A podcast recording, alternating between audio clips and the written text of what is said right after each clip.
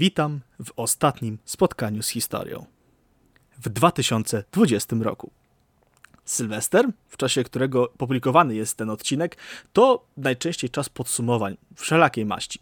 Ja na przykład mógłbym opowiedzieć teraz w podsumowaniu całego mojego podcastu, który wystartował w lutym tego roku, jednakże zrobimy pewien wyjątek, a raczej nawiążemy do wszystkich ostatnich odcinków. Mianowicie dokonamy sobie bilansu dynastii Piastów w Polsce, a zatem podsumowanie pierwszej części trzeciego sezonu. Drogi słuchaczu, zatrzymaj się i usłysz historię. Sezon trzeci. Podcast współtworzony z portalem historyką.pl. Poczet królów Polski oczami ich redaktorów. Prowadzi Bartłomiej Gawryszewski. Zapraszam. Jak wygląda zatem bilans panowania dynastii Piastów widziany przez pryzmat Polski we współczesnej Europie? Początkiem drogi Polski do Europy w sensie politycznym i kulturowym było panowanie Mieszka I. Przyjęcie chrztu przez tego władcę należy do najbardziej przełomowych i doniosłych wydarzeń w ponad tysiącletniej historii państwa polskiego. Wprowadzenie chrześcijaństwa w ówczesnych realiach politycznych rozwiązywało wiele problemów, umacniało władzę księcia, jednocześnie wprowadzając go na arenę polityki europejskiej przyjęcie nowej religii spowodowało wzrost rangi Polski w ówczesnym feudalnym świecie chrześcijańskim. Doprowadziło do zbliżenia z Czechami, porozumienia z cesarstwem, umacniało pozycję księcia wobec niemieckich feudałów, pozbawiając ich argumentu przymusowej chrystianizacji. Polska została włączona w społeczność duchową określoną jako Christianitas. Na nasze ziemię napływały powstałe w Europie Zachodniej prądy kulturalne, administracyjne i gospodarcze. I te przyczyniły się znacząco do rozwoju kultury, sztuki, oświaty oraz architektury. Przyjęcie chrześcijaństwa w obrządku zachodnim umożliwiło nawiązanie kontaktów z papiestwem. Powstanie organizacji kościelnej miało również wpływ na politykę późniejszych władców. Jakie znaczenie miała chrystianizacja w obrządku zachodnim ze współczesnego punktu widzenia? Gdyby Mieszko zdecydował się na chrzest za pośrednictwem Bizancjum, dziś prawdopodobnie nie moglibyśmy się cieszyć na przykład papieżem Polakiem. Ważnym osiągnięciem Mieszka I było zawarcie sojuszu z Czechami. Dzięki temu Mieszko znalazł się na wysokiej pozycji w orbicie wpływów cesarstwa, czego świadectwem jest m.in. zapis w kronice Windukinda, mówiący o Mieszku jako przyjacielu cesarskim. Wiązało się to niestety z koniecznością płacenia cesarzowi trybutu. Rezultatem stosunków z cesarstwem było ustabilizowanie sytuacji wewnętrznej i zewnętrznej państwa polskiego, co stwarzało dogodne warunki do jego wszechstronnego rozwoju. Kolejnym osiągnięciem Mieszka było spisanie dokumentu Dagome Judex, w którym książę oddaje państwu pod opiekę stolicy apostolskiej. Zabiegi o dobre relacje z papiestwem były wyrazem starań Mieszka o utworzenie w Polsce metropolii i ewentualną koronację.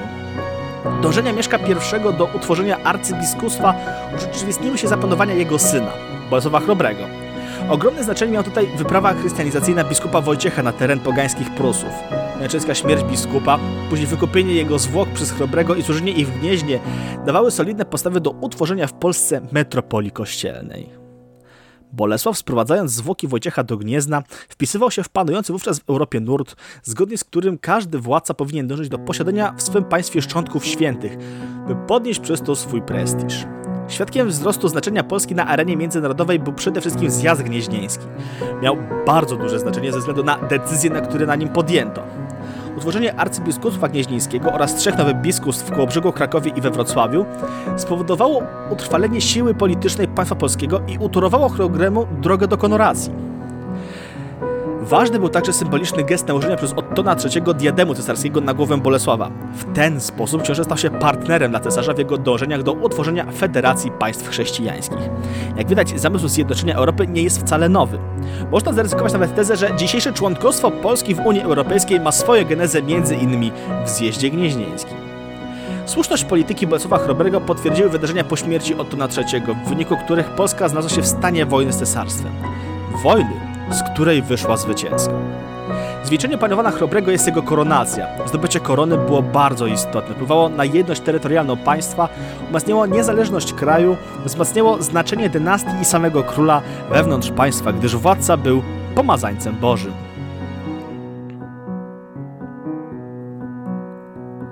Niewątpliwym sukcesem kolejnego Piasta, czyli Mieszka II, była koronacja natychmiast po śmierci swojego wielkiego ojca.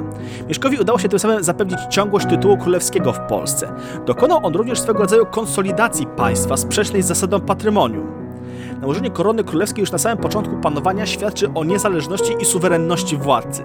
Niestety, panowanie Mieszka II pomimo pierwszych sukcesów ocenia się wyjątkowo negatywnie. Za jego rządów nastąpiło uwstecznienie polskiej polityki.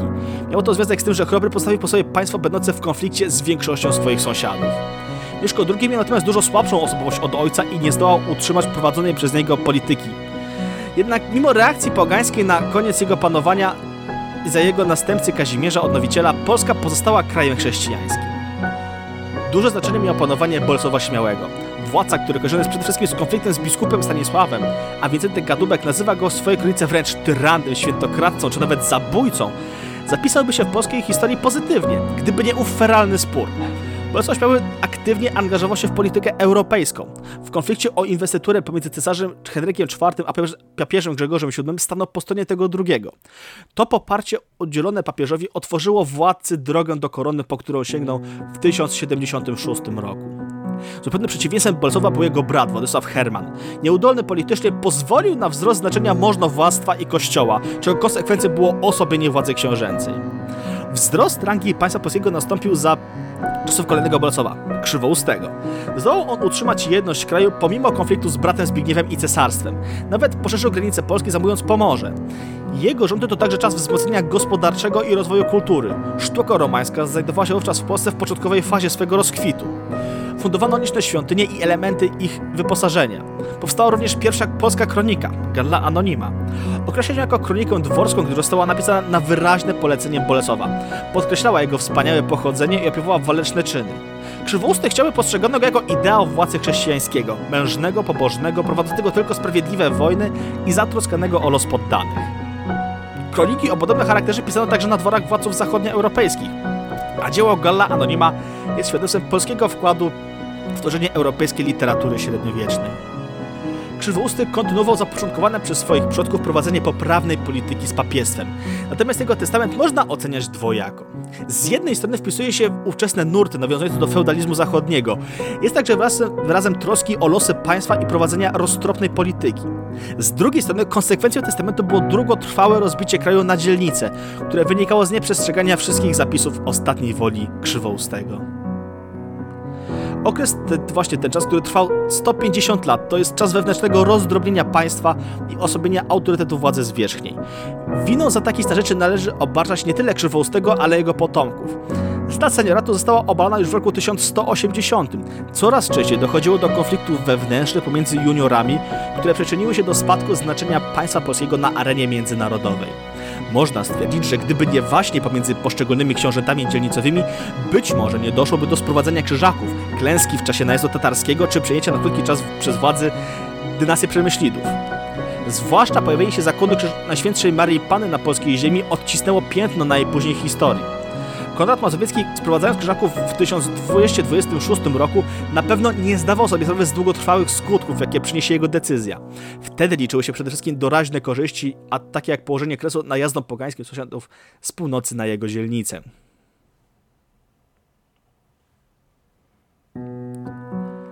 Mówiąc o rozbiciu dzielnicowym, nie można pominąć pozytywnych zjawisk i procesów, jakie wówczas miały miejsce.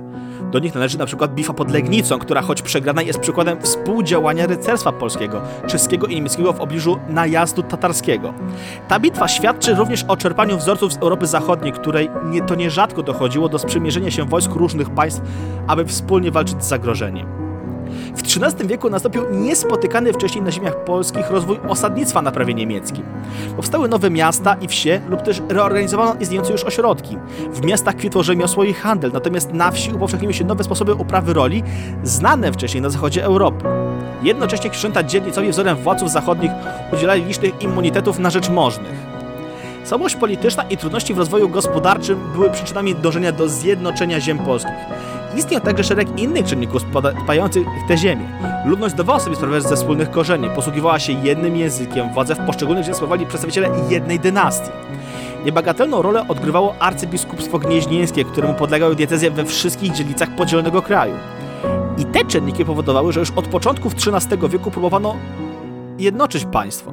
Wystarczy wspomnieć, że chociażby zabiegi Henryków Śląskich, które zakończyły się niepowodzeniem z powodu najazdu tatarskiego w 1241 roku.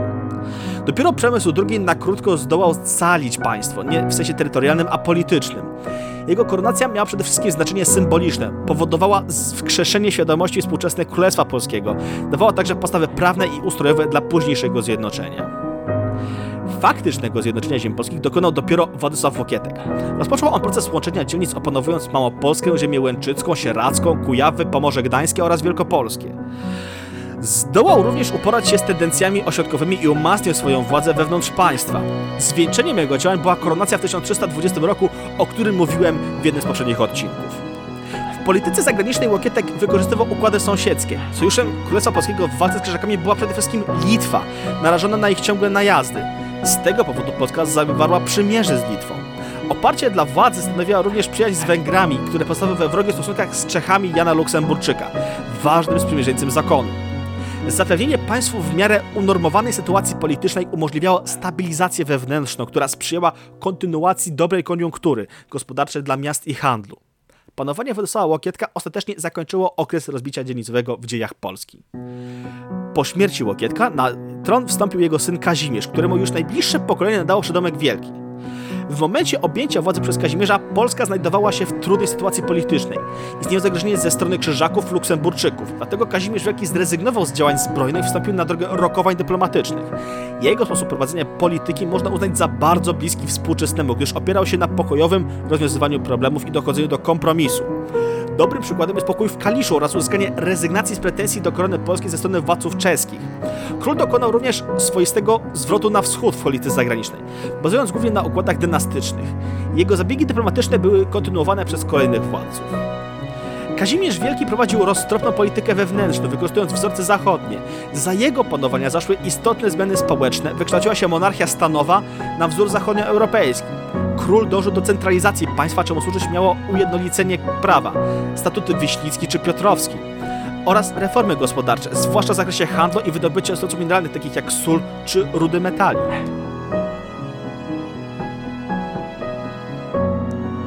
Kazimierz Wielki odegrał ważną rolę w rozwoju kultury i nauki w Polsce.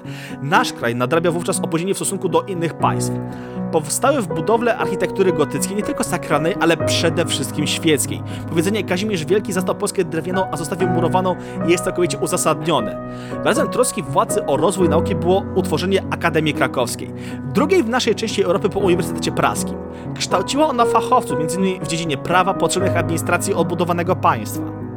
Wymownym znaczeniem, raczej wymownym wyrazem znaczenia Kazimierza Wielkiego i roli, jaką Polska odgrywała w ówczesnej Europie, był słynny zjazd monarchów w Krakowie. Kazimierz, tak jak niegdyś Bolesław Chrobry, olśnił przybyłych gości swoim bogactwem i wspaniałością dworu. Dorobek panowania Kazimierza Wielkiego stał się podstawą do rozwoju kolejnych władców i ich polityki, w szczególności dynastii Jagiellonów. Bilans panowania Piastów w Polsce widziany z dzisiejszej perspektywy wypada dodatnio. Z całą pewnością można stwierdzić, że działania władców piastowskich prowadzone na polu polityki zagranicznej i wewnętrznej, gospodarki, kultury i oświaty miały znaczący wpływ na późniejsze dzieje Polski, co za tym idzie na jej pozycję we współczesnej Europie. Do długofalowych skutków rządów Piastów należy zaliczyć osiągnięcie przez Polskę obecnego statusu terytorialnego, w dużej mierze zbieżnego z tym z czasów Mieszka I. Aktywne uczestnictwo Polski w kulturze europejskiej nie byłoby możliwe bez pojawienia się na ziemiach wzorców i nurtów myślowych z zachodniej Europy. Również ukształtowanie dzisiejszych struktur kościelnych z ważną rolą Gniezna jako siedziby prymasa jest nawiązaniem do tradycji piastowskich.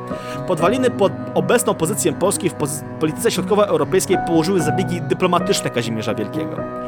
Jednakże najbardziej doniosłym wydarzeniem, będącym oczywiście w kontekście długofalowym skutkiem polityki prowadzonej przez Piastów, stało się wstąpienie Polski do struktur Unii Europejskiej, dla której główną rolę w określeniu europejskości odgrywają czynniki historyczne i kulturowe, wspólna tożsamość i identyfikacja z uniwersalnymi wartościami naszej cywilizacji. Nie ulega przecież wątpliwości, że Polska Piastów znakomicie wpisała się w tradycję, historię i kulturę naszego kontynentu. Słuchaliśmy artykułu Norberta Alankiewicza pod tytułem Pierwsze drogi na drodze do Europy. Bilans panowania dynastii Piastów w Polsce. Tymże artykułem kończymy pierwszą część trzeciego sezonu podcastu Usłysz Historię. Na kolejną, drugą część i pierwszy odcinek zapraszam już za dwa tygodnie. Czas na drobną przerwę w podcaście, czasie której między innymi będziecie mogli posłuchać sobie tych poprzednich odcinków. Dziękuję Wam bardzo serdecznie za to, że przez cały 2020 rok byliście ze mną. Życzę Wam na 2021 rok, abyście byli wiernymi i aktywnymi członkami naszej historii. Na zakończenie pamiętajcie naszą stałą sentencję. Historię tworzymy my wszyscy. Do usłyszenia.